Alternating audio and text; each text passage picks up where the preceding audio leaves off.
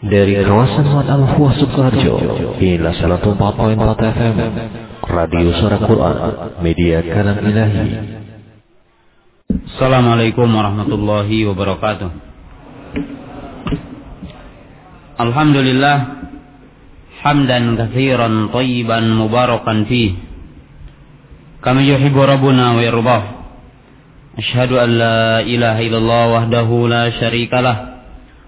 وأشهد أن محمدا عبده ورسوله والصلاة والسلام على رسول الله وعلى آله وأصحابه ومن تبعهم بإحسان إلى يوم الدين أما بعد Para talabatul ilmi Para jamaah Demikian juga para pendengar Radio Suara Quran Alhamdulillah pada kesempatan malam yang berbahagia ini dengan izin dan kudrat dari Allah Subhanahu wa taala kita dapat bertemu di majelis yang mulia ini. Dalam rangka kita bersilaturahmi dan menjalankan perintah Rasulullah sallallahu alaihi wasallam ad-dinu nasihah. Agama itu adalah nasihat. Pada kesempatan malam yang berbahagia ini, saya ingin menjelaskan yaitu hadis dikenal dengan hadis Jibril atau hadis Umar dengan sebuah judul Fawaid wa Hikam min hadis Jibril alaihi salam.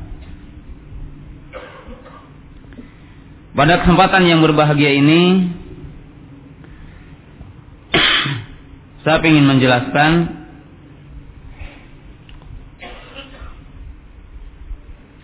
berkaitan dengan masalah adab mencari ilmu.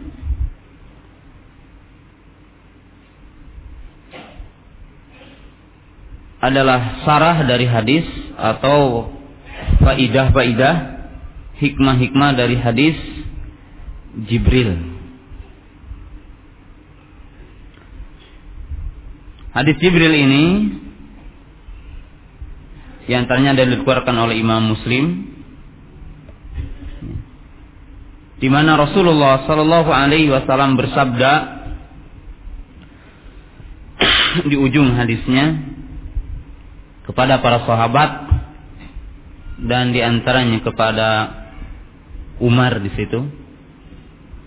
Kala hada Jibrilu atakum yu'allimukum dinakum.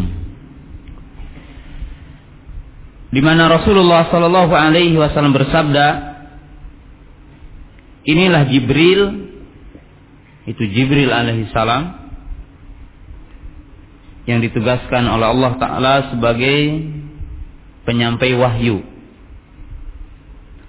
Karena Rasul Allah itu ada dua ada rasul minal malaikah, ada rasul minal bashar.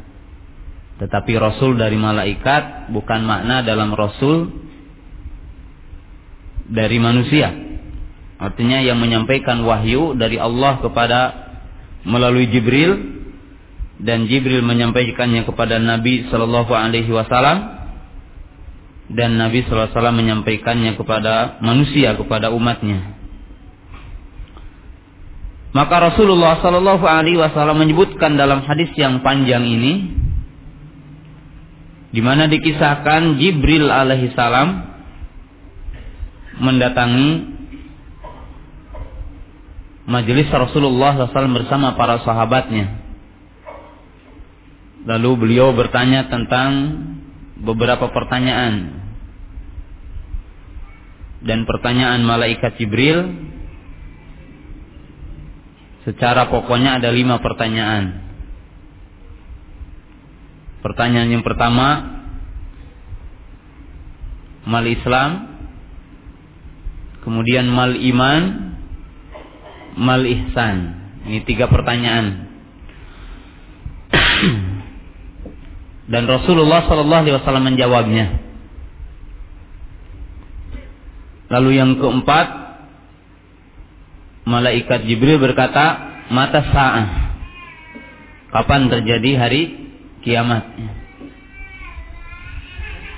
Kemudian yang kelimanya, ketika Rasulullah SAW tidak menjawab pertanyaan yang keempat, di mana beliau mengatakan mal mas'ul bi a'lama minas sa'il. Tidaklah yang ditanya lebih tahu daripada yang bertanya. Maka malaikat Jibril berkata akhbirni an amarotiha. Kabarkanlah kepadaku tentang ciri-cirinya. Lalu Nabi Shallallahu Alaihi Wasallam berkata di ujung hadis dan bertanya kepada Umar, tahukah wahai Umar siapa yang tadi? Lalu Umar mengatakan Allah wa Rasuluhu a'lam. Allah dan Rasulnya yang maha tahu. Maka Nabi SAW bersabda, Hada Jibrilu yu'allimukum dinakum. Inilah Jibril alaihi salam datang kepada kamu mengajarkan agama kamu. Hadal hadis hadisun azim. Fihi fawaid wa hikam. Hadis ini adalah hadis yang sangat agung. Memiliki martabat yang sangat tinggi.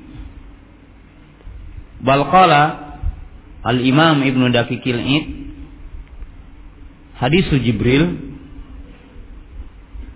fi sunnah kamanzilati suratil Fatihah fil Quran.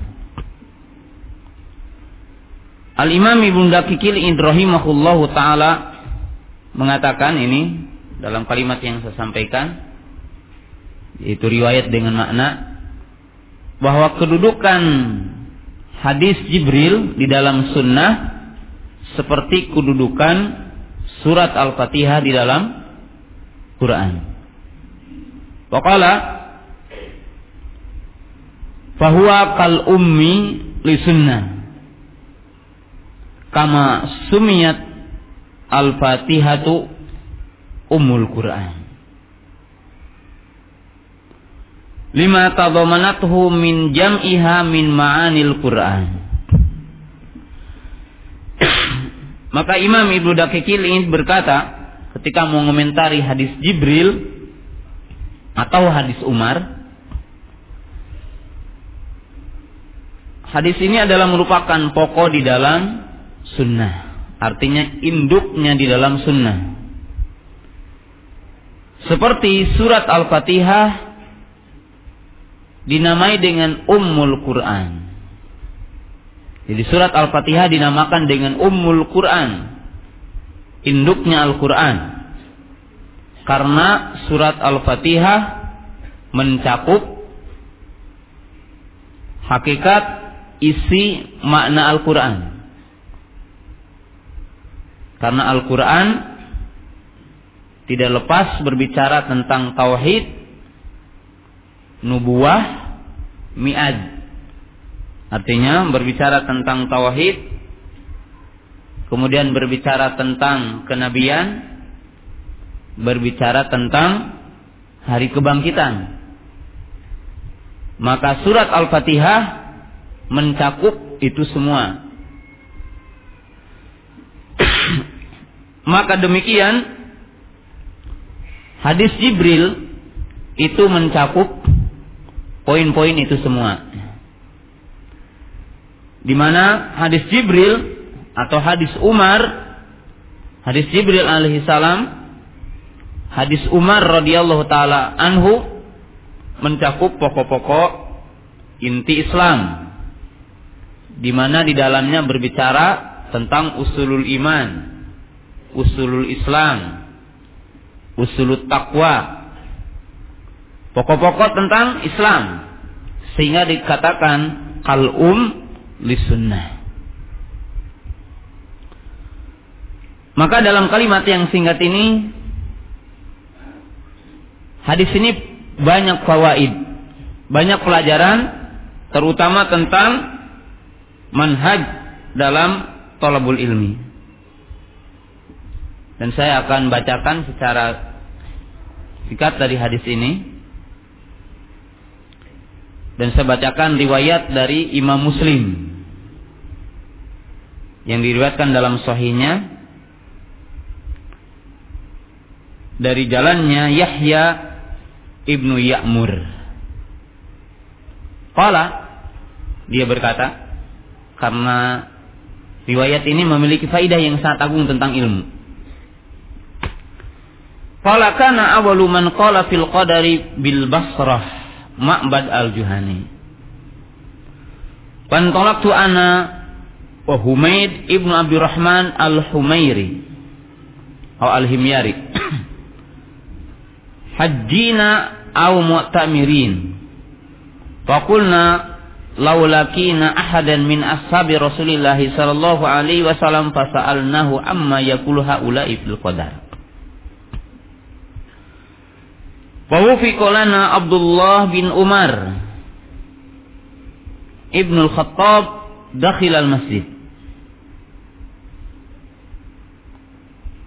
Ini di, ini dikatakan riwayat melalui Yahya bin Ya'mur. Dia berkata, orang yang pertama menyimpang di dalam masalah takdir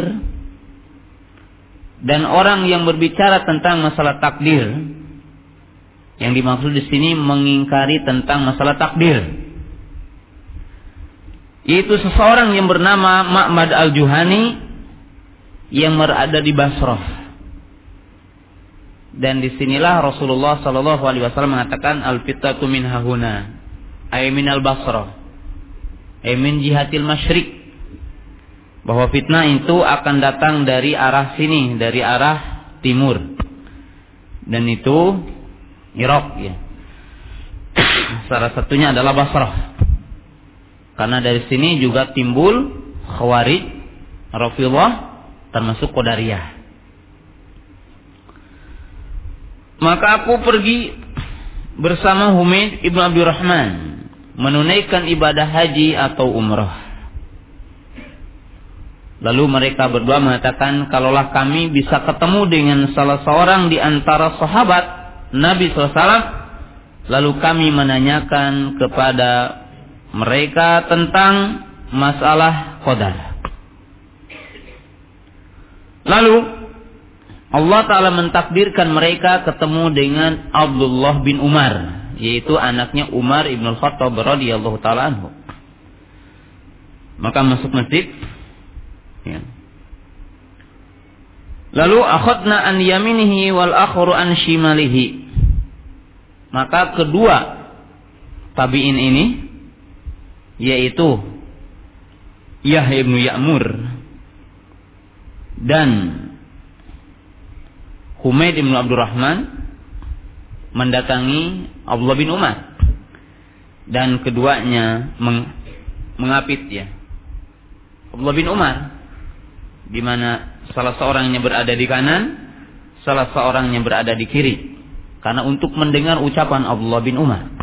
Dan ini juga bagian adab dalam mencari ilmu. Nanti kita akan jelaskan secara singkat.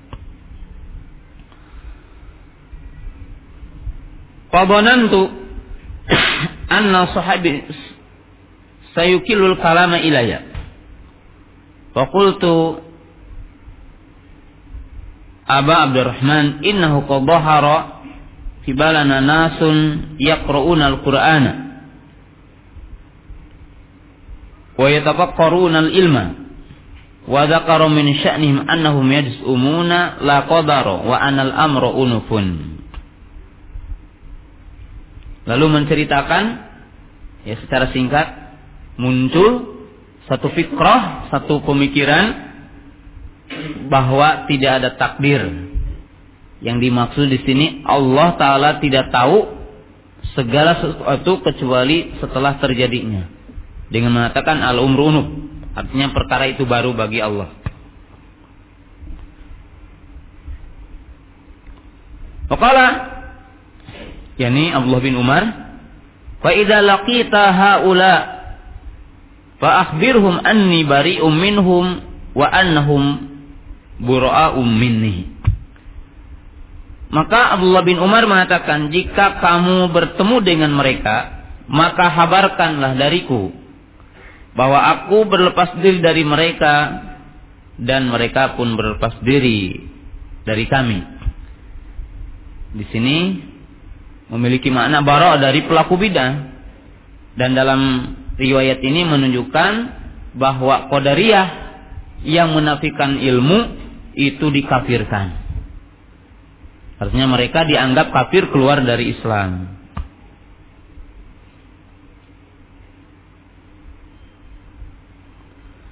Waladhi yahlufu bihi Abdullah bin Umar law anna li ahadihim mislu Uhudin dhahaban fa anfaqahu ma qabbalallahu minhu hatta yu'mina bil qadari.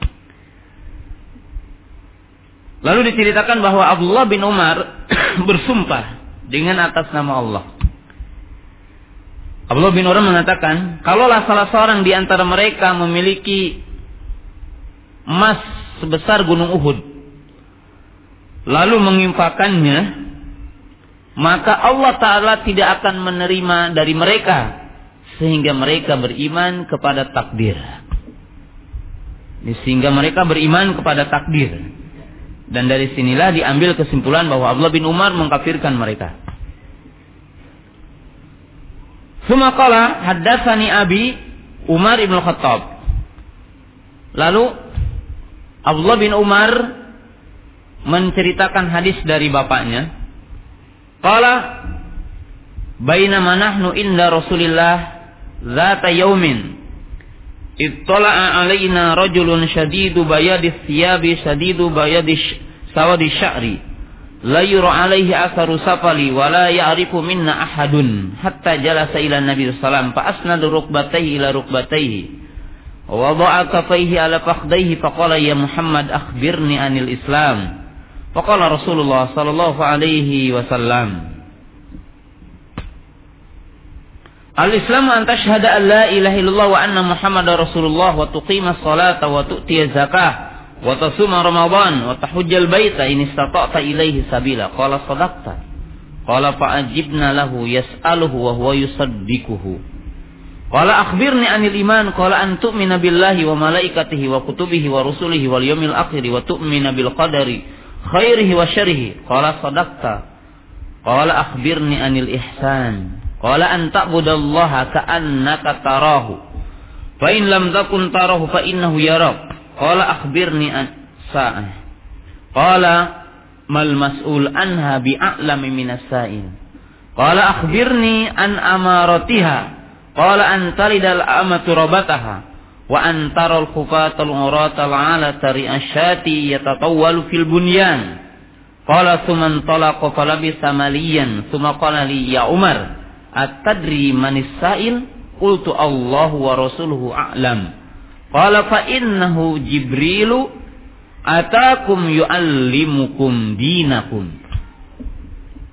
Ini adalah hadis secara singkat kedatangan Jibril alaihissalam di majelisnya Rasulullah sallallahu alaihi wasallam. Wa fi hadhihi al-qissah wa fi hadis fawaid wa hikam. Dalam hadis ini dan dalam kisah ini ada banyak pelajaran. Pelajaran yang pertama secara global dari hadis ini. Qala ulama al ilmu yu'ta.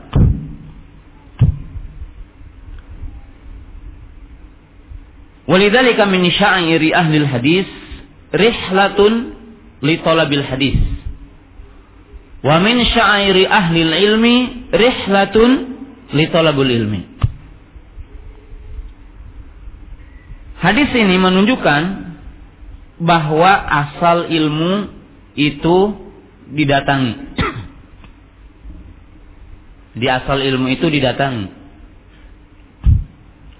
Wajibnya kaum muslimin itu untuk mendatangi majelis ilmu. Dan untuk men cari ilmu.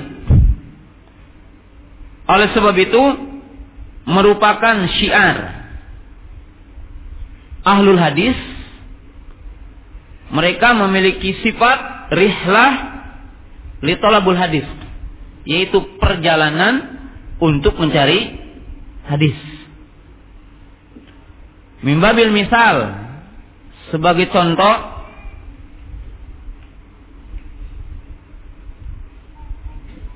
seorang sahabat yang bernama Jabir ibnu Abdullah. Safara hawalai syahr li ajli hadisin wahidin. Sebagaimana dikisahkan Jabir ibnu Abdullah radhiyallahu taala anhu dia melakukan perjalanan selama satu bulan demi satu hadis. Jadi berjalan satu bulan demi satu hadis.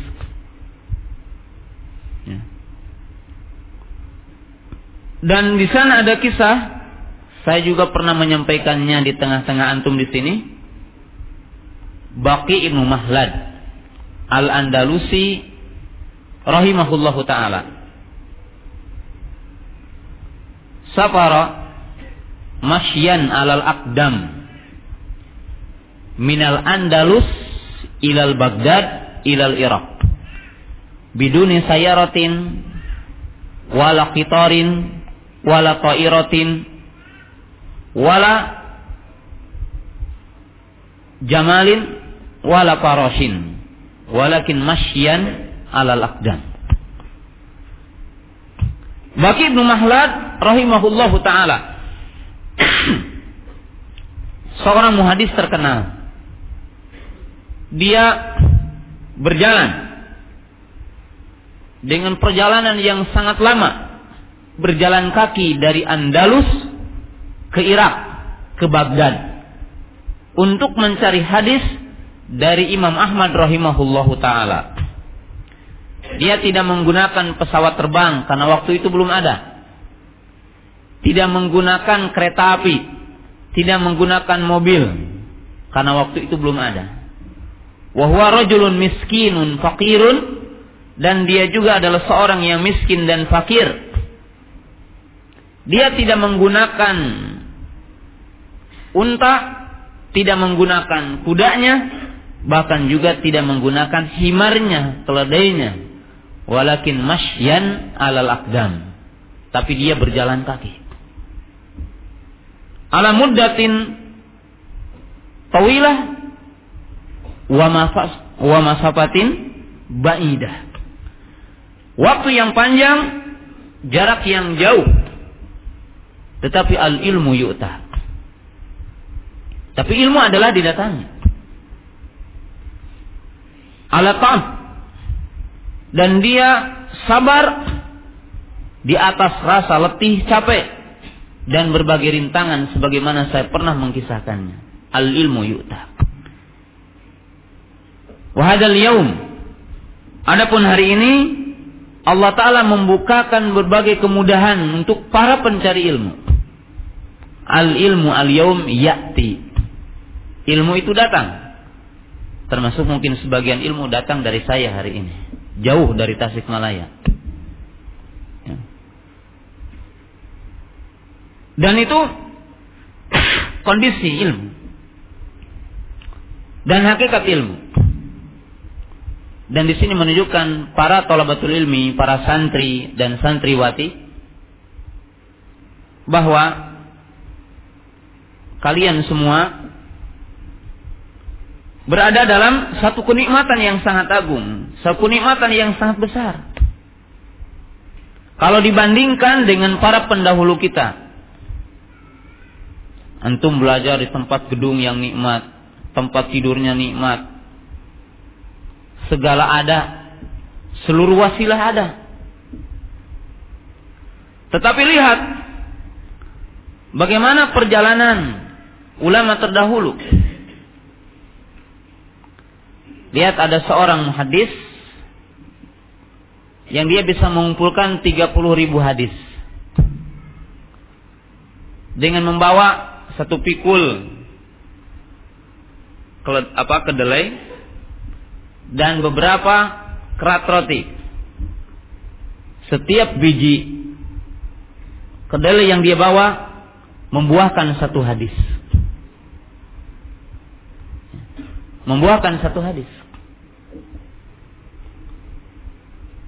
Dan masih dekat kita lihat murid-muridnya Syekhuna Mukbil Ibnu Hadi Al-Wadi rahimahullahu taala. Di Daman. Di Daman. Demikian juga markaz-markaz yang ada di Yaman.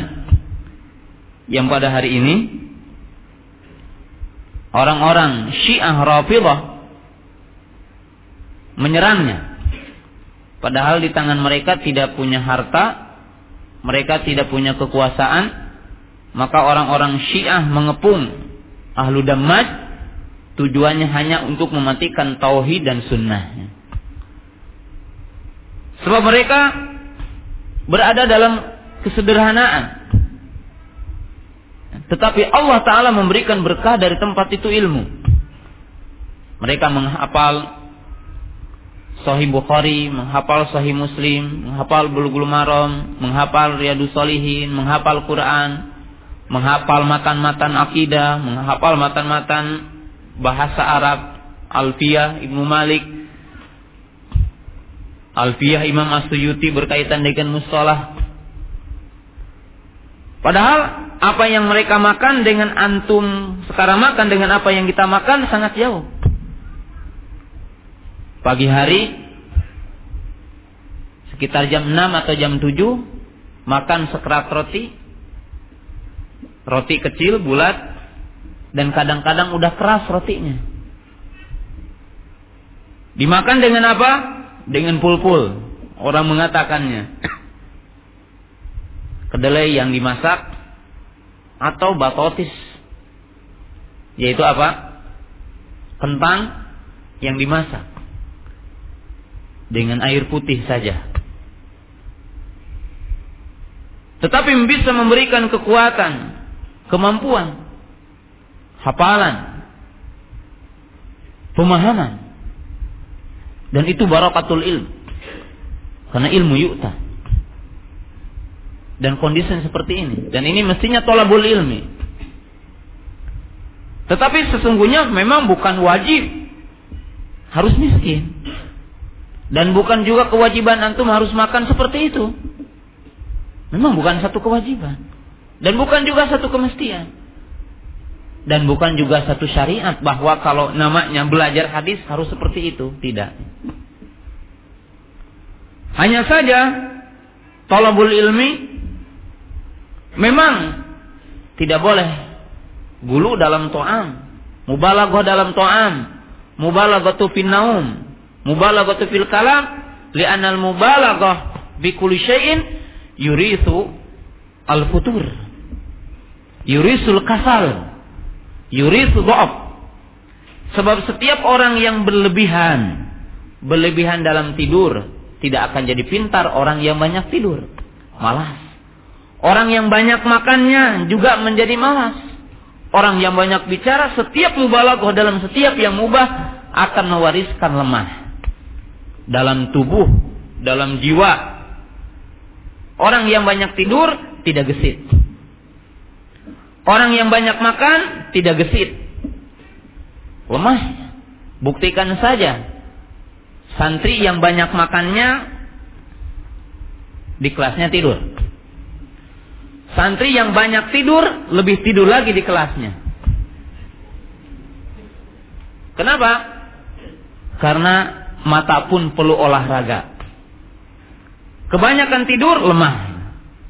Kurang tidur lemah mutawasid pertengahan. Dan ini hakikat ilmu. nah. Para talabatul ilmi yang dirahmati Allah taala dalam kalimat ini juga kita lihat kenapa saya mengatakan bahwa Tolabul ilmi, santri atau santriwati berada dalam nikmat yang sangat agung. Saya sampaikan beberapa ungkapan para ulama tentang ilmu. Qala al-Imam Zuhri Muhammad ibnu Muslim wa huwa min khiyarit tabi'in ma ubidallahu bi syai'in afdala minal ilmi Berkata Imam Zuhri Muhammad ibnu Muslim dia merupakan tabi'in pilihan dia berkata tidak ada ibadah yang paling mulia yang melebihi mencari ilmu, mengamalkan ilmu dan mendakwahkan ilmu. Wakala Sufyan As-Sauri ini Sufyan ibnu Sa'id As-Sauri qala la a'lamu ba'da nubuwah afdalu minal ilmi.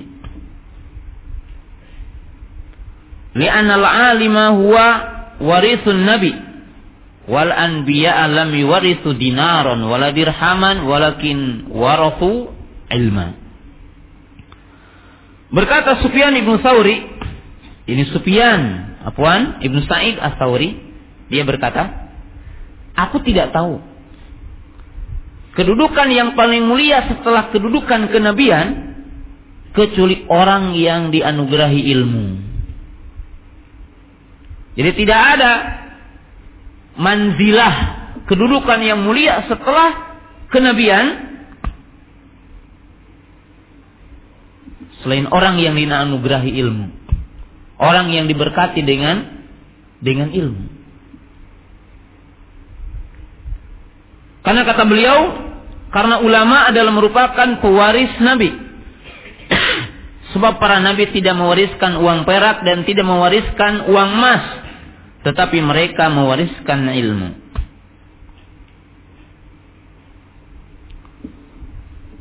Al-Imam Ibnu Mubarak rahimahullahu taala menyampaikan satu kalimat yang sangat agung. Jadi al-Imam Ibnu Barak rahimahullahu taala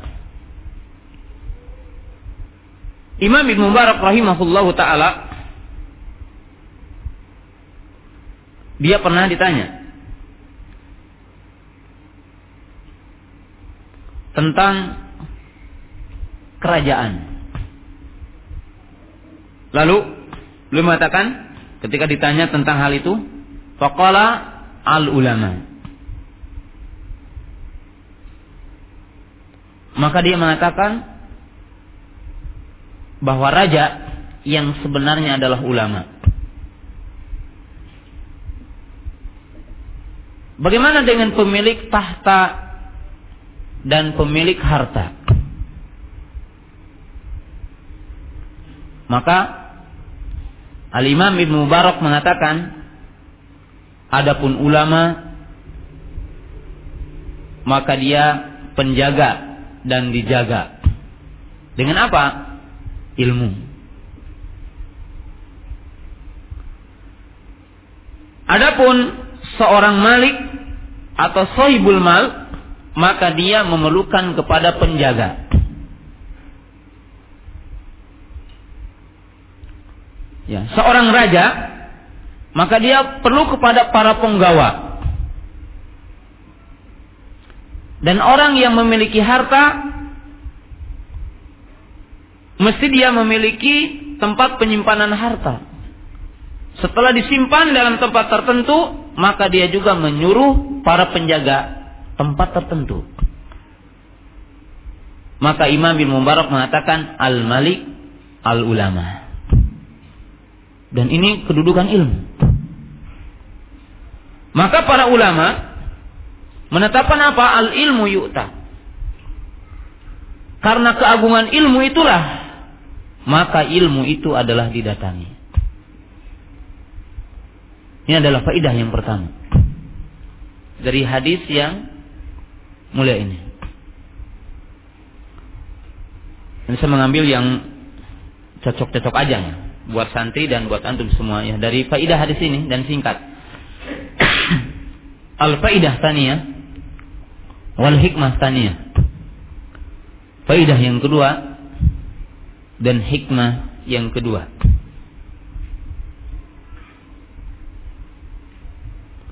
al ilmu yukhadu bi adabin wa bi akhlaqin.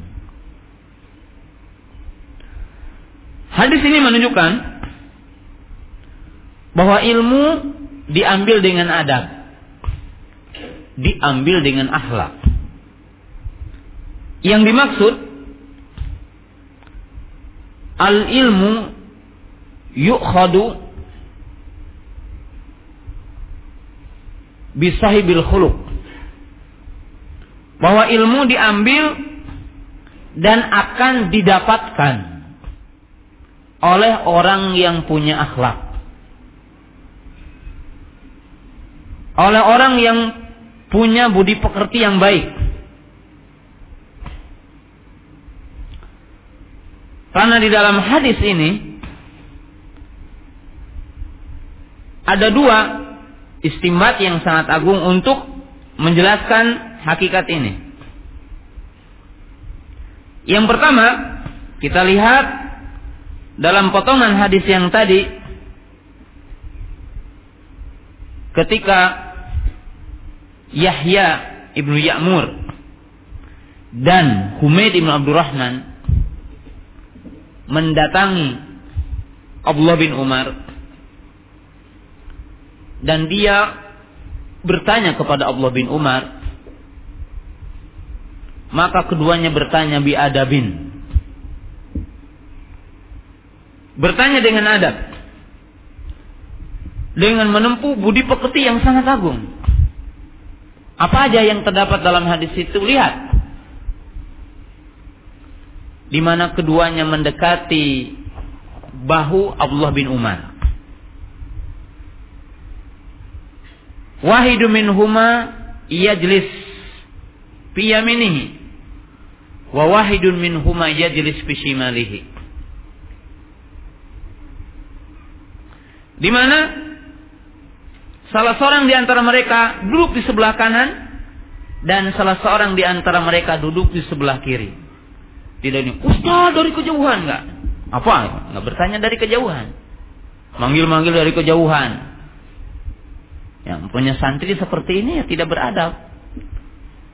Ya, santri atau santriwati yang seperti ini memanggil usaha dari kejauhan, tidak akan diberkati ilmu. Tidak akan diberikan barokah ilmu. Lihat, kedua tabiin ini duduk dekat Abdullah bin Umar dan dia bertanya.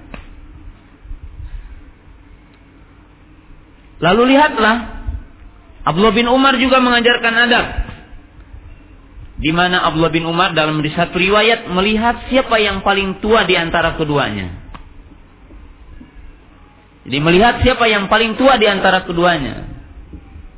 Lalu Abdullah bin Umar memerintahkan yang paling tua untuk yang pertama ngomong dan menyampaikan sesuatu kepadanya. Seperti dalam beberapa hadis dikatakan kabir, kabir, yang tua dulu ngomong. Dan ini ada dan di sini memiliki mana apa? Tauqirul alim. Yaitu apa? Menghormati alim. Tauqirul alim bisalah setian wa. Perlu dicatat oleh para santri, santriwati dan tolak ilmi semuanya dan oleh kita semuanya bahwa menghormati guru tauqir itu artinya menempatkan guru dalam derajat yang tinggi dengan tiga perkara. Pertama bil qalbi. Pertama dengan hati. Gimana kita menghormati ulama dengan hati? Pertama, kita mencintainya. Kedua, kita meyakini akan berkah ilmu. Kita meyakini akan pujian Allah, pujian Rasul kepada orang-orang yang punya ilmu. Maka hati kita adalah pengagungan. Yang kedua adalah at-tawqir bilisan. Yang kedua adalah menghormati, mengagungkan dengan lisan. Dengan memujinya, menyanjungnya. Kemudian apa? tidak memotong kalimatnya ketika berbicara, tidak membencinya, tidak mencacinya. tidak mengeluarkan kata-kata yang kotor dan sebagainya. Ini ada bilisan. Yang kedua bil jawari. Yaitu dengan anggota badan kita.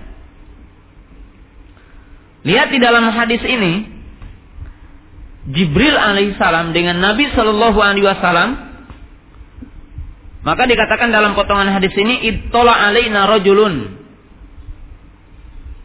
apa? Syadidu bayadi siyat. Syadidu sawadi syari.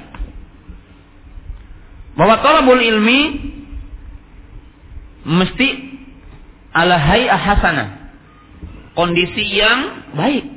Cara berpakaiannya. Pakaiannya rapi, rambutnya disisir atau pakai apa? kupiah. Adab. Dari siapa berpakaian? Karena di sini Jibril alaihissalam mengajarkan buji apa bajunya sangat putih sekali, rambutnya sangat hitam dan rapi. Kemudian apa? Fa asnada rukbataihi ila rukbataihi wa yadayhi ala fahdaihi. Maka malaikat Jibril itu mengapakan ya bahasa kita apa? Hah? Ya mendekatkan aja yang mudah ya. Dan dia ini dalam kondisi eh, mungkin seperti duduk dalam duduk di antara dua sujud. Maka lututnya didekatkan kepada lutut Nabi SAW. Lalu tangannya, di sini ada dua riwayat, dua pemahaman. Apakah yang dimaksud Jibril alaihissalam menyimpan tangannya di, di paha Rasulullah ataupun yang dimaksud bahwasanya Jibril alaihissalam menyimpan tangannya di atas pahanya. Yang jelas di sini menunjukkan bahwa tolabul ilmi ketika duduk maka duduk yang sangat rapi. Dalam pengagungan kepada gurunya, kepada alim, kepada mudaris. Bahkan dikatakan dalam riwayat-riwayat salafus saleh ketika mereka duduk mencari ilmu dan mendengarkan ilmu maka dikatakan oleh salafus soleh seolah-olah di pundak mereka ada burung. Yang mereka enggan kalau burungnya itu terbang. Artinya saking khusyuknya duduk ya oleh sebab itu Imam Ibnu Qayyim mengatakan La tunalul ilma illa bisittatin. Kata Imam Ibnu Qayyim rahimahullah taala dalam bagian tentang nasihat ilmu, beliau mengatakan ilmu tidak akan didapat kecuali dengan enam perkara.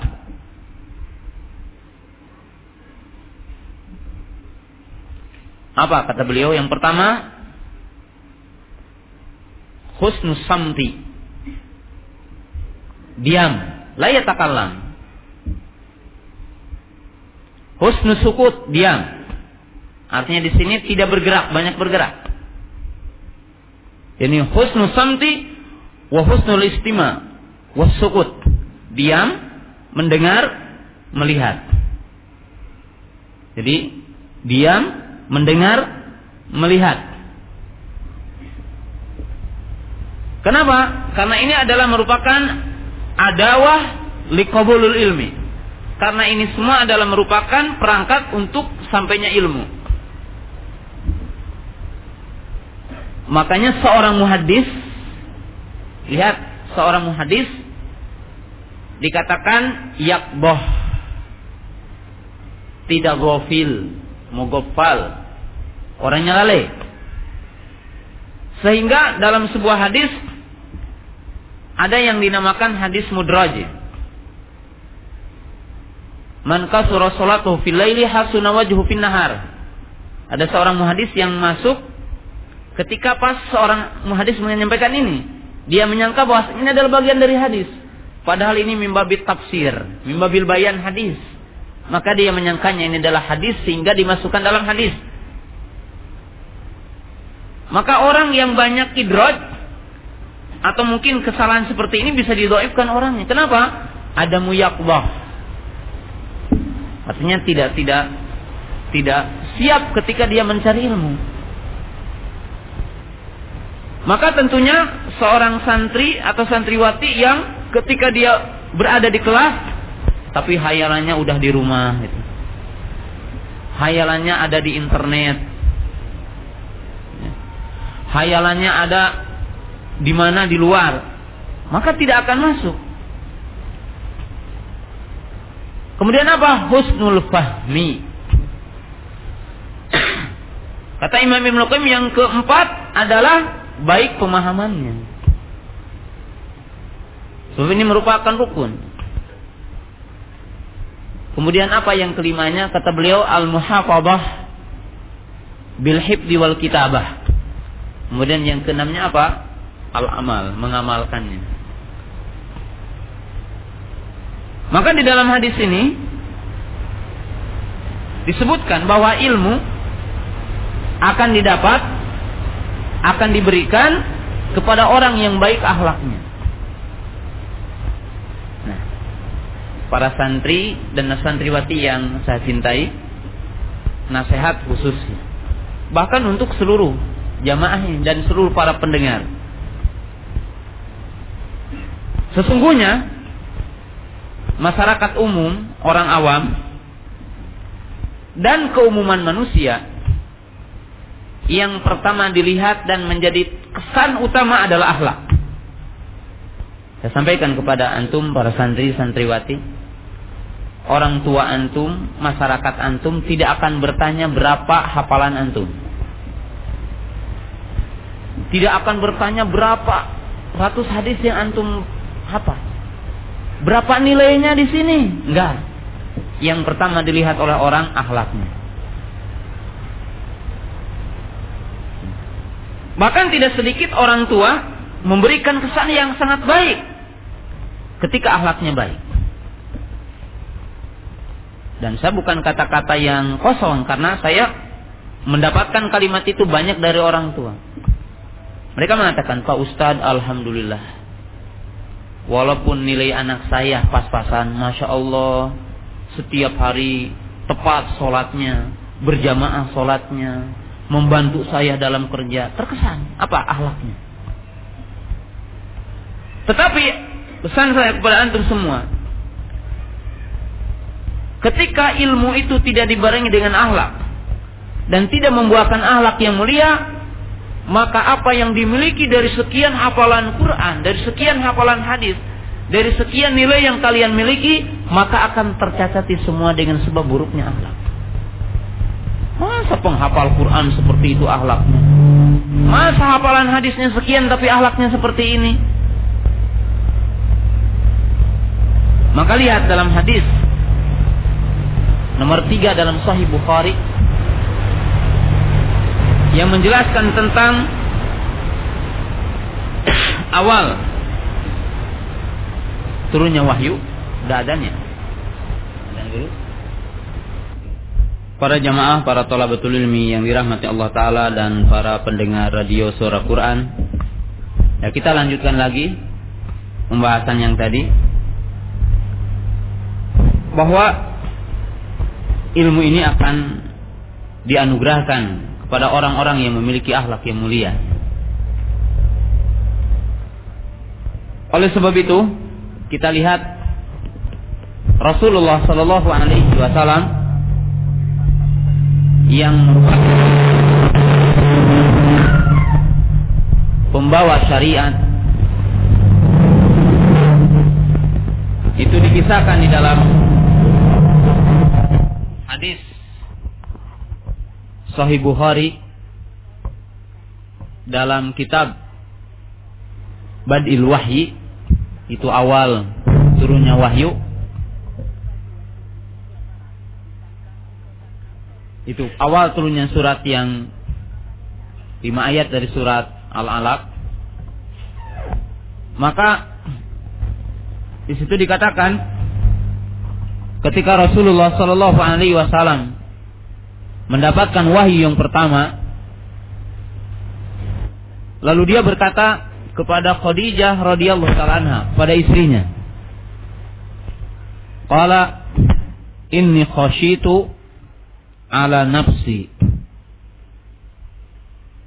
Maka Rasulullah Shallallahu Alaihi Wasallam berkata, sungguh aku merasa takut kepada diriku.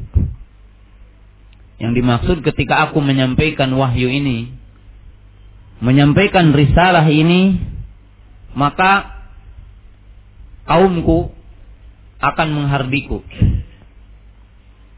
akan mencercaku, menghinaku dan seterusnya. Faqalat Khadijah radhiyallahu taala anha, "Wallahi la yuhzikallahu abada." Fa innaka tasilu rahima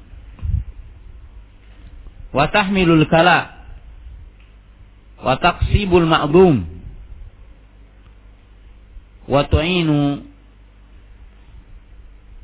yani ahlil haq maka Khadijah berkata kepada Rasulullah Shallallahu Alaihi Wasallam, demi Allah, Allah Taala tidak akan membiarkanmu.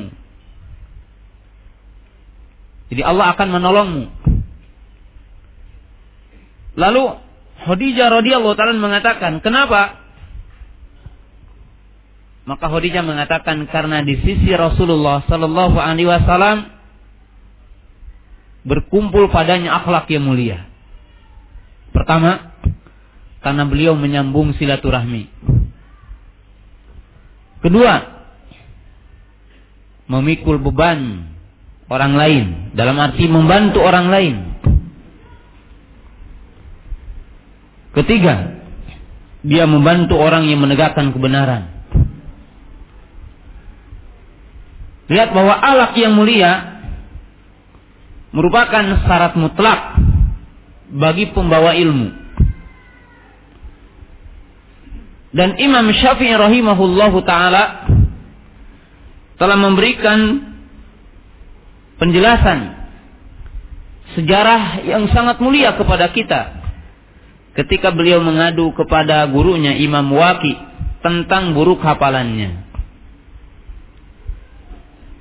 Maka beliau diberikan bimbingan alat tarkil ma'asi yang untuk meninggalkan maksiat. Hal ini menunjukkan bahwa orang yang akan dianugerahi ilmu, orang yang akan diberkati ilmu, diberikan pemahaman oleh Allah Ta'ala adalah ulukin, orang yang berakhlak.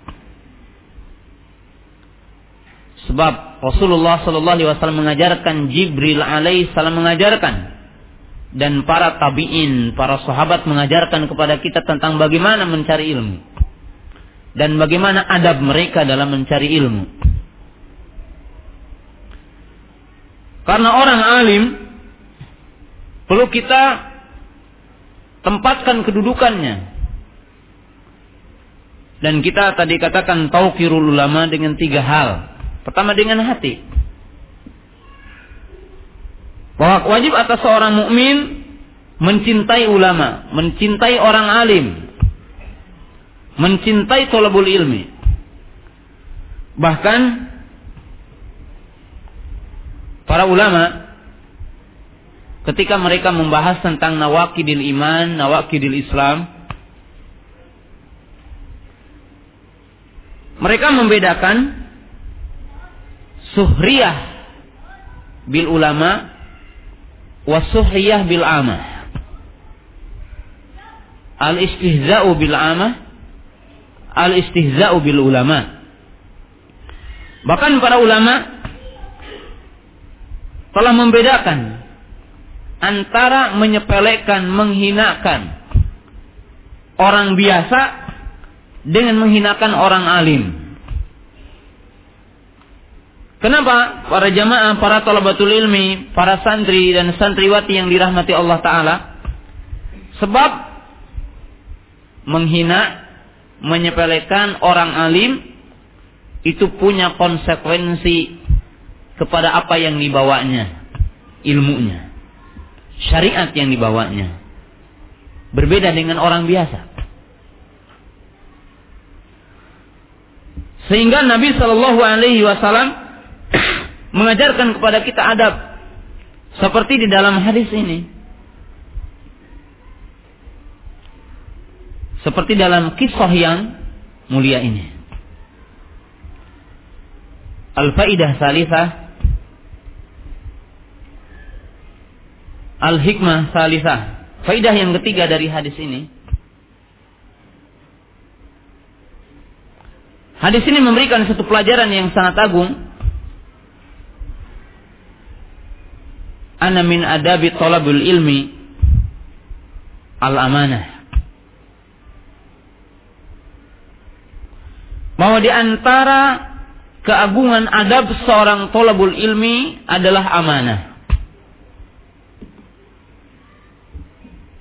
Dari mana kita mengambil istimbat dari hadis ini bahwa pokok adab yang paling mulia bagi seorang pencari ilmu dan para pembawa ilmu adalah amanah.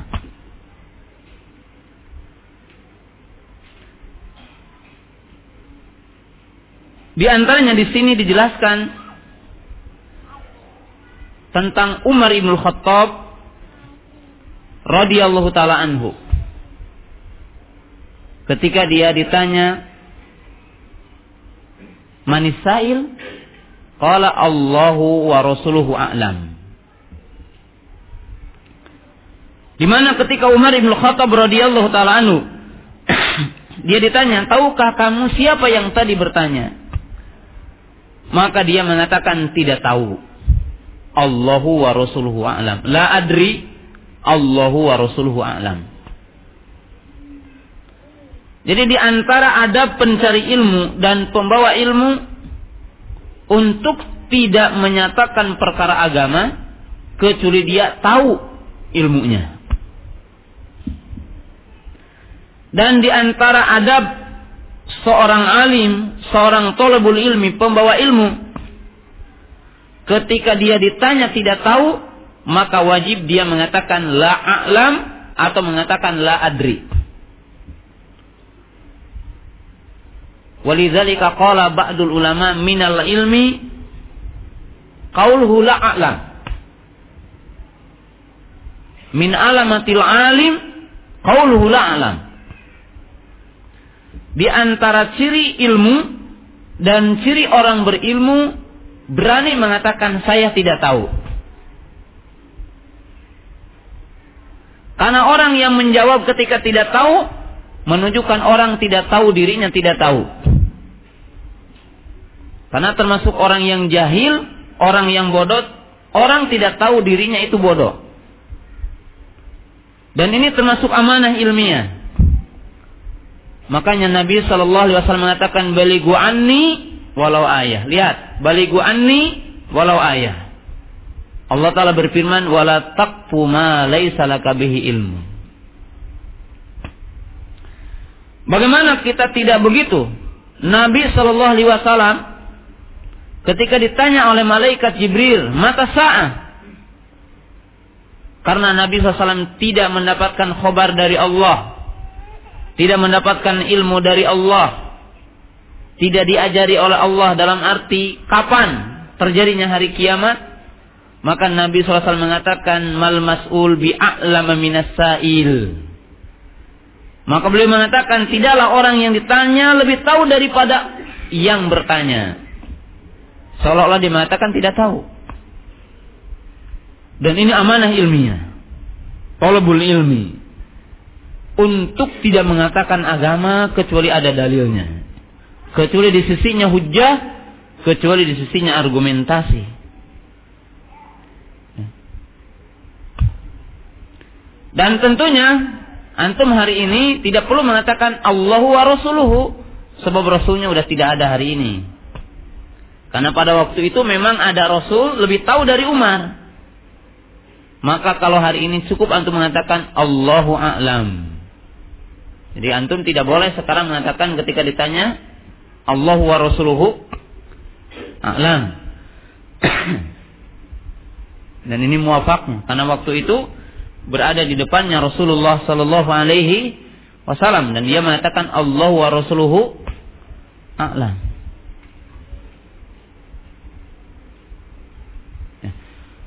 Para jamaah yang dirahmati Allah Ta'ala, para talabatul ilmi, para pendengar radio suara Quran yang dirahmati Allah Ta'ala, ini adalah merupakan amanah ilmiah. Jadi seorang talabul ilmi harus memiliki sifat amanah. Jadi sifat amanah dalam menyampaikan ilmu. Tidak boleh sembarangan Sebab akan dituntut nanti di sisi Allah Ta'ala. Di hadapan Allah Subhanahu Wa Ta'ala. Dan termasuk perbuatan bolim. Termasuk perbuatan maksiat.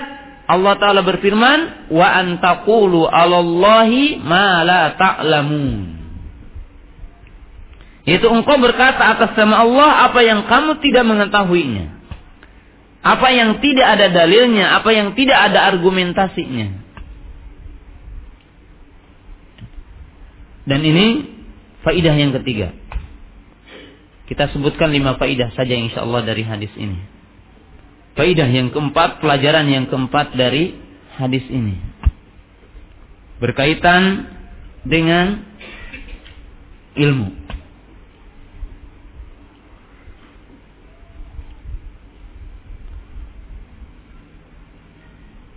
Hadis yang mulia ini memberikan pelajaran yang sangat agung. Inna lil ilmi majalis. Sesungguhnya bagi ilmu itu ada majelisnya.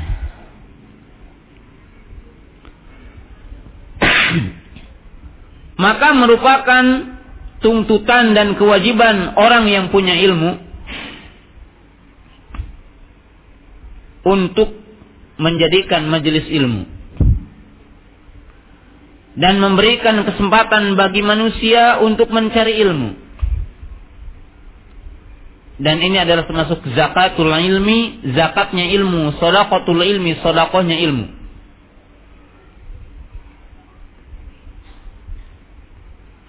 Dan termasuk khairul majalis, majalisul ilmi sebaik-baik majelis adalah majelis ilmu.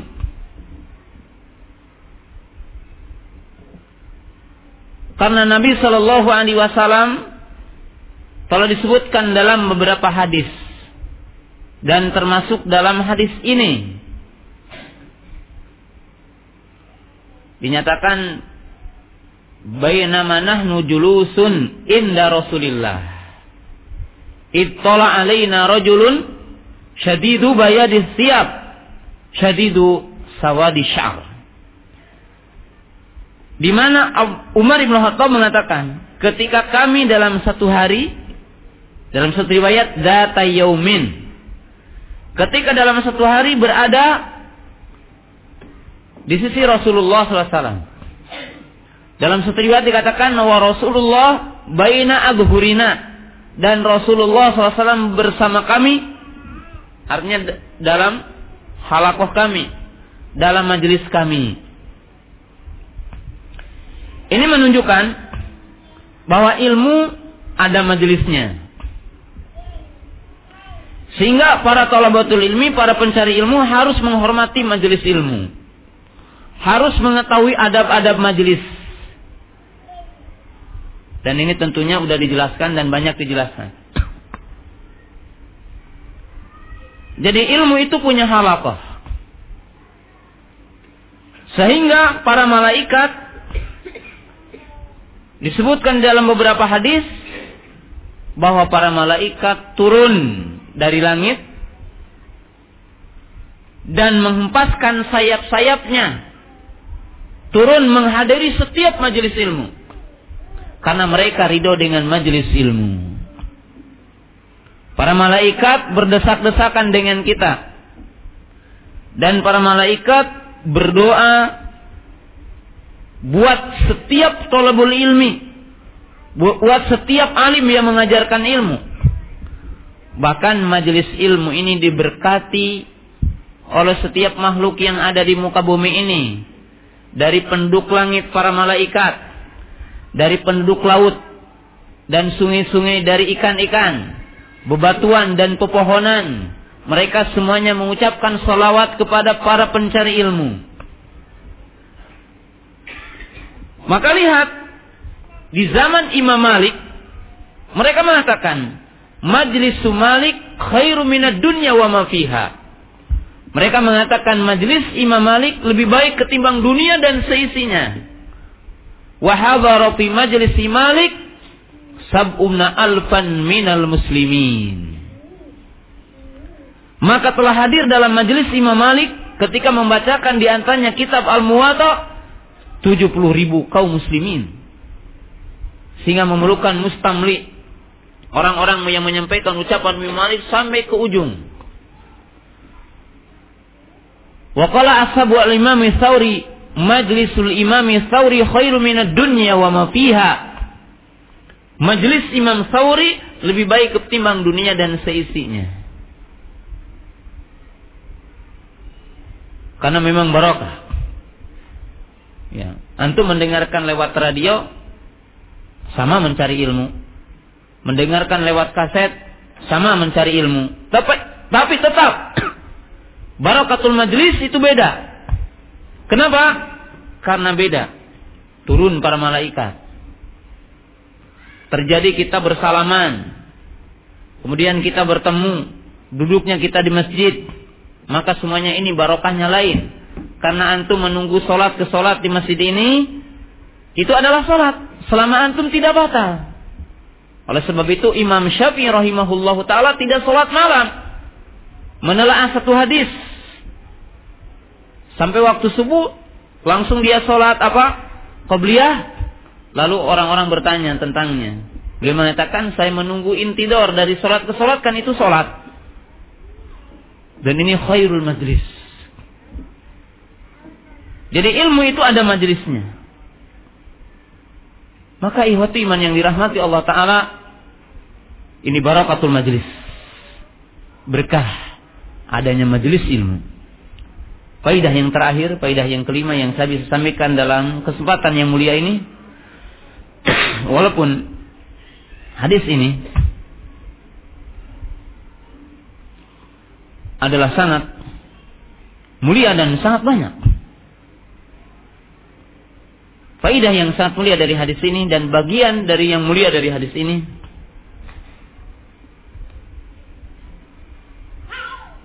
Di mana di dalam hadis ini menunjukkan tentang bahwa di antara bagian ilmu as-su'al. Walidhalika qala ba'du salaf as-su'alu nisful ilmi.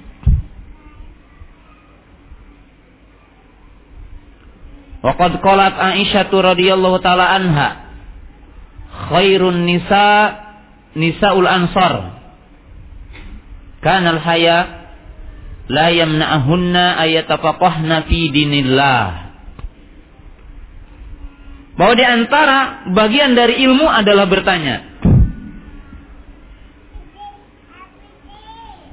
bahkan dikatakan bertanya adalah setengahnya ilmu sehingga Aisyah radhiyallahu taala memberikan pujian sebaik-baik wanita adalah wanita ansor. Kenapa? Rasa malu tidak menghalangi mereka untuk bertanya tentang ilmu. Yang dinamakan dengan al-istifta. Meminta fatwa. Dan lihatlah dalam hadis ini bahwa fatwa dilakukan dalam dua tempat dan meminta fatwa dilakukan dalam dua tempat.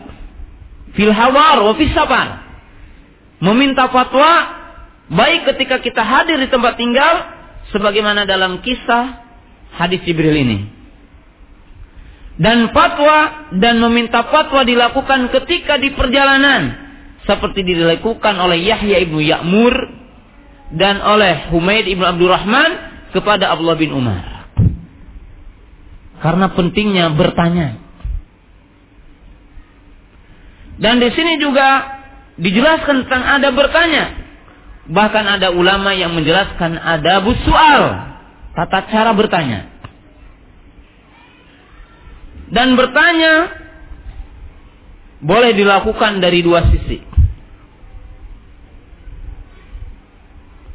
Jadi antum bertanya dan itu disyariatkan bertanya dengan dua sebab. Sebab yang pertama bisa babi jahlika dengan sebab kejahilanmu. Dengan sebab kejahilan kita, kita tidak tahu, lalu bertanya. Ataupun kita tahu, lakin li ajil faidah alal akhirin. Tetapi terkadang ada faidah bagi yang lain. Maka boleh kita bertanya. Seperti Jibril alaihissalam bertanya kepada Nabi Shallallahu alaihi wasallam dan Jibril tahu. Tetapi li ajul faidah alal akhirin. Tetapi faidahnya adalah mengajari para sahabat, maka Jibril alaihissalam bertanya kepada Rasulullah Shallallahu alaihi wasallam. Jadi di sini antum boleh bertanya yang antum tahu karena antum punya tujuan untuk mengajari yang lain. Atau telah terjadi sesuatu maka ditanyakan li ajil faidah karena faidah yang sangat agung. Para talabatul ilmi para santri santriwati yang dirahmati Allah taala maka di antara cara mencari ilmu adalah bertanya ya, dan bertanya tetapi bertanya juga punya adab Ya seperti umpamanya antum bertanya lewat SMS disingkat-singkat termasuk tidak beradab dalam bertanya. Apalagi mungkin bahasanya tidak bisa dimengerti. Ya. Maka bertanya ini perlu kejelasan sebab jawaban apa pertanyaan adalah setengah jawaban.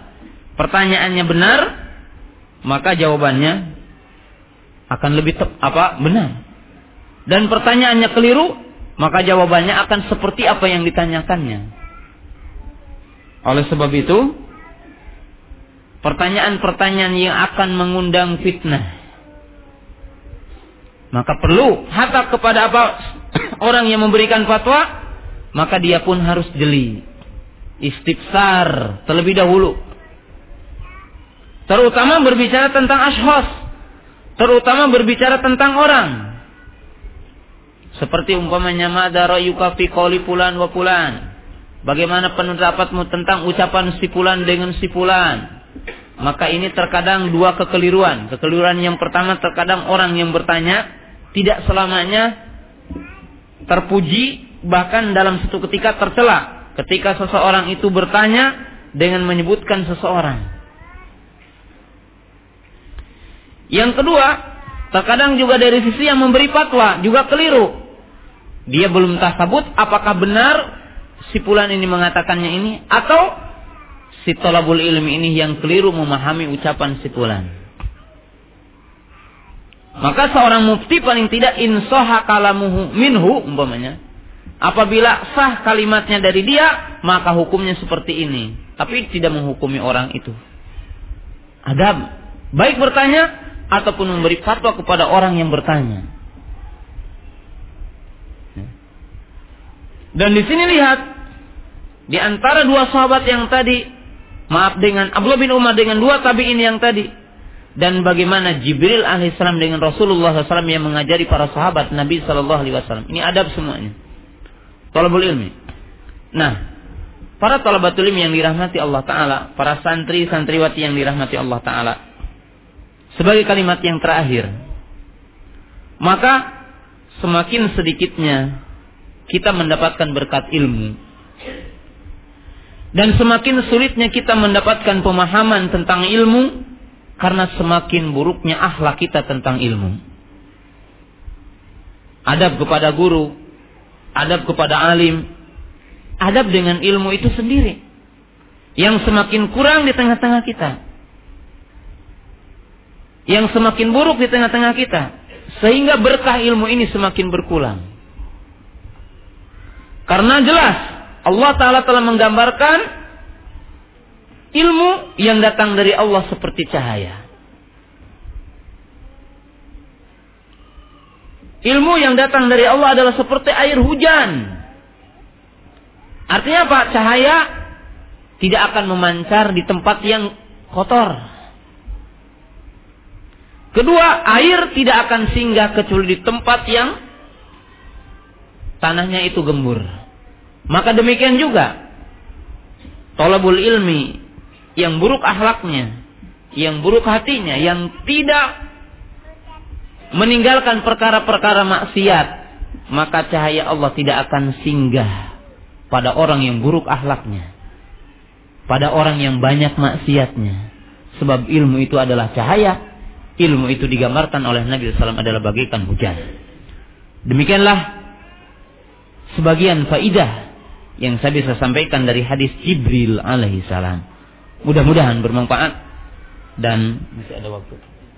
Ya, sisakan tanya jawab baik dari antum, dari pendengar nggak bisa nggak, ada ya.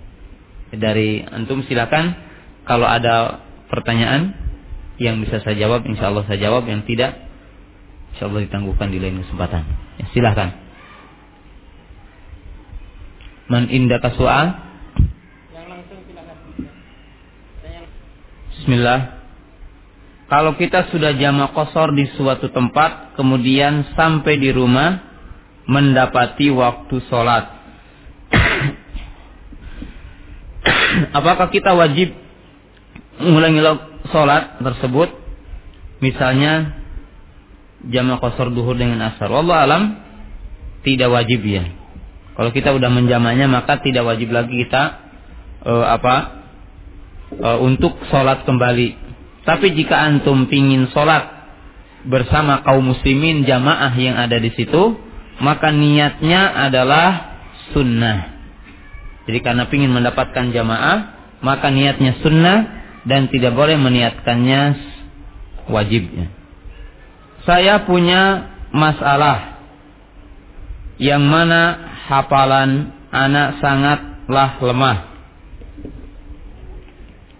Bahkan dalam menghafal nama pun nama pun harus dalam jangka waktu yang panjang. Tolong beri solusi. Ya. Ya. Pertama, memperbanyak istighfar dan taubat kepada Allah taala. Ya, itu yang pertama. Dan perbanyak amal soleh, perbanyak kebaikan. Sebab itulah yang akan memberi motivasi seseorang. Kedua, berdoa meminta kepada Allah Taala di apa diberikan kekuatan tentang hafalan. Sebab Allah Taala yang akan menjadikan kita punya kemampuan. Ketiga, tidak diragukan lagi bahwa harus memiliki kesabaran dalam menghafal. Karena apa pun kembali kepada kebiasaan. Ya mungkin cerita kami dulu di Yaman ya Ketika kami pertama datang, memang sama, kami tidak bisa mampu menghafal satu hadis dengan cepat.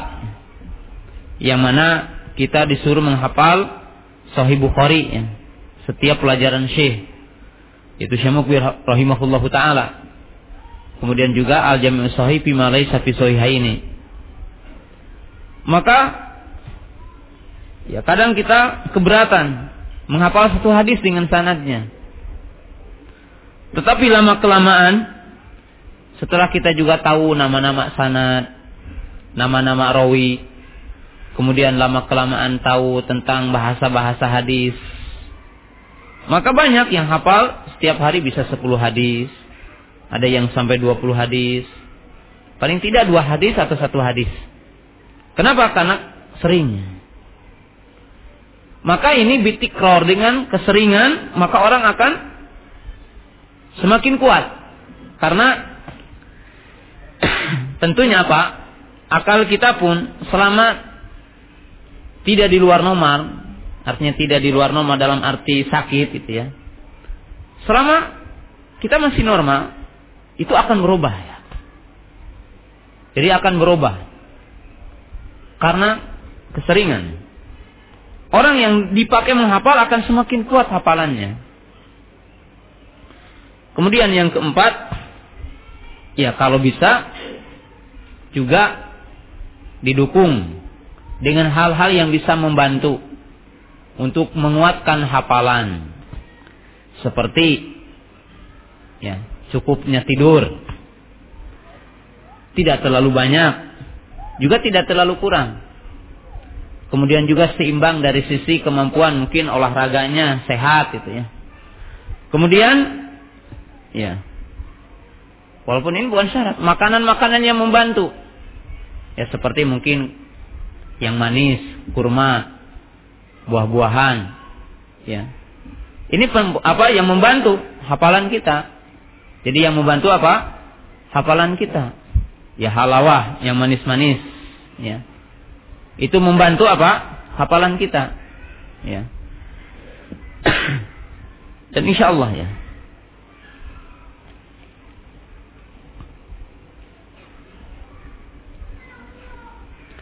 Mana yang lebih afdol membaca Al-Quran atau menuntut ilmu? Ya, membaca Al-Quran bagian dari menuntut ilmu. Ya. Mana yang lebih afdol membaca Al-Quran atau menuntut ilmu? Ya. Ya, ini tafsil ya. Tafsil. Kalau yang dimaksud menuntut ilmu adalah yang fardu ain, maka menghafal Al-Qur'an apa membaca Al-Qur'an ya membaca Al-Qur'an ya kita secukupnya. Adapun mencari ilmu yang hukumnya fardu ain, maka hukumnya apa? Wajib. Adapun kalau dia adalah seorang tolabul ilmi, maka mesti dalam bagian harinya ada penelaahan kepada Quran ada hafalan Quran setiap harinya. Ya kalau antum udah hafal Al-Quran maka setiap hari minimalnya setengah jam atau satu jam khusus untuk Quran. Ya. Berikut apa? Untuk tolabul ilmi menghafal Al-Quran juga diusahakan menghafal dari sisi ahkamnya. Maksudnya gini. Dan ini pun ya perlu ya perubahan dari sistem mungkin ya banyak maaf para penghafal Al-Qur'an ketika ditanya dalil tidak tahu gitu. Dia sering mungkin saya dijelaskan juga dalam majelis seperti saya katakan coba sebutkan ayat-ayat yang menunjukkan Allah tinggi di atas arasnya. Sebutkan dalil-dalilnya. Kadang-kadang walaupun hafal Quran tidak bisa menghadirkan dalil itu. Padahal mungkin ayat Sumastawa alal arsh itu disebutkan dalam tujuh ayat. Kalimat-kalimat yang berkatakan wahwal aliyul azim, wahwal qahiru fawqa ibadih. Ayat-ayat seperti ini tidak mampu menghadirkan. Maka apa? Tolabul ilmi, yang para pencari ilmu, selain menghafal dalam arti rentetan ayat per ayat, kemudian surat per surat, jelas ya, maka juga harus menghafal ayat-ayat ahkam. Bagaimana cara menghafal ayat-ayat ahkam? Ya, salah satunya antum yang untuk para betul ilmi hafal Riyadus Solihin. Kan Riyadus Solihin itu apa? Setiap babnya ada ayat Qur'annya kan?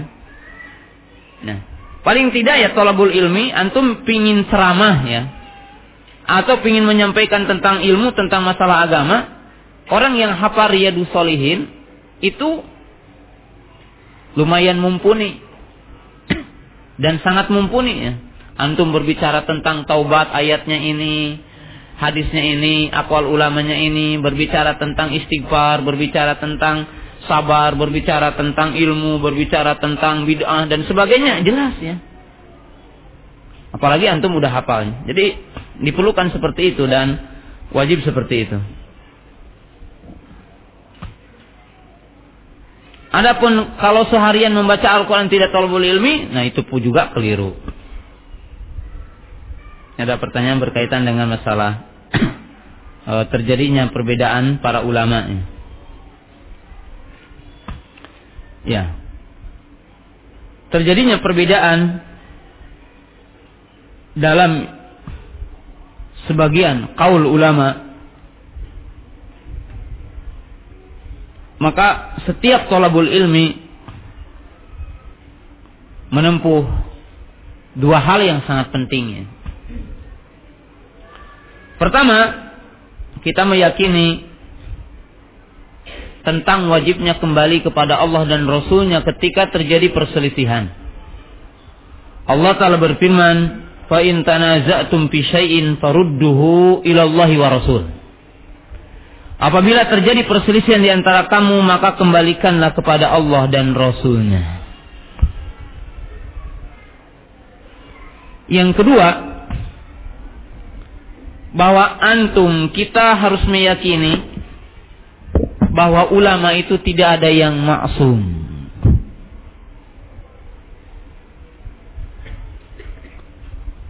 Maka di sini tolabul ilmi selain dalam poin yang pertama dalam setiap perbedaan yang terjadi di antara para ulama bahwa kita harus mengembalikan kepada Allah dan Rasulnya kepada Quran dan Sunnah maka kaum muslimin yang dirahmati Allah Ta'ala apabila terjadi perbedaan dalam pendapat maka wajib kita meyakini bahwa ulama tidak ada yang maksum.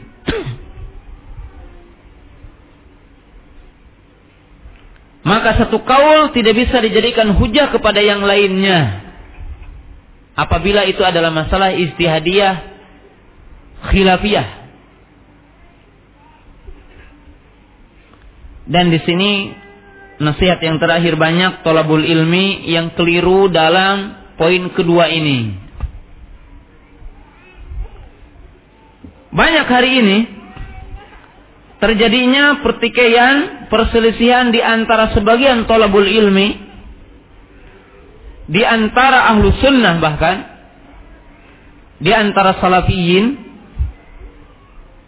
dikarenakan dia mengilzam satu kaul syekh tertentu kepada yang lainnya.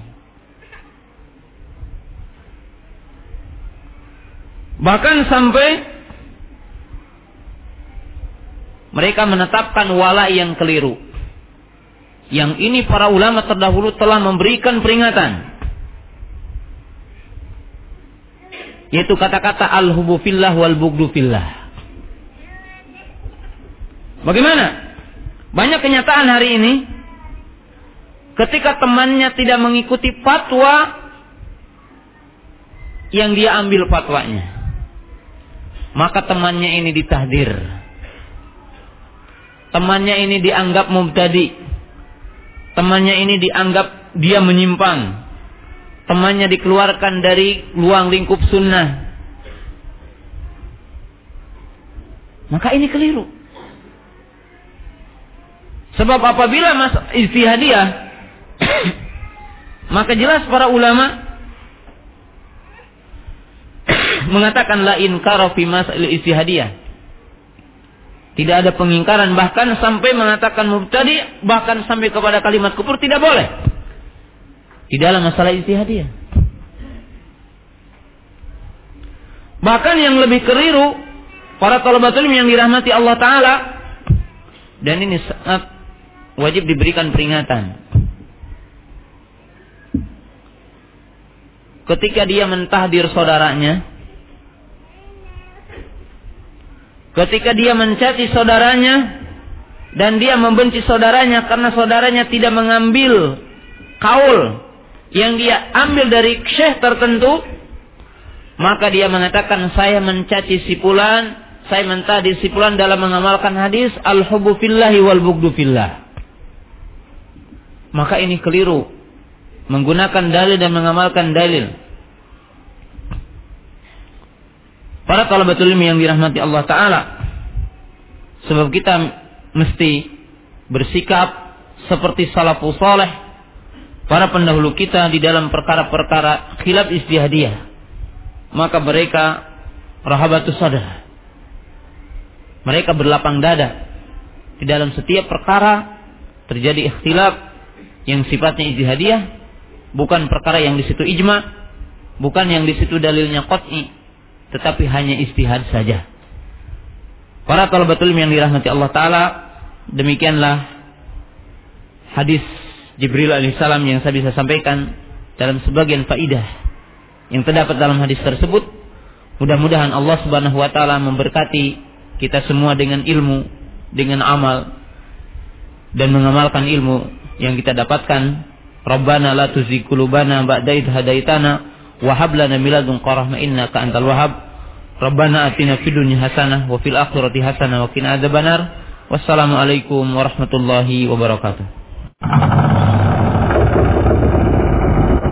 94.4 Inilah Radio Suara Quran Media Kalam Ilahi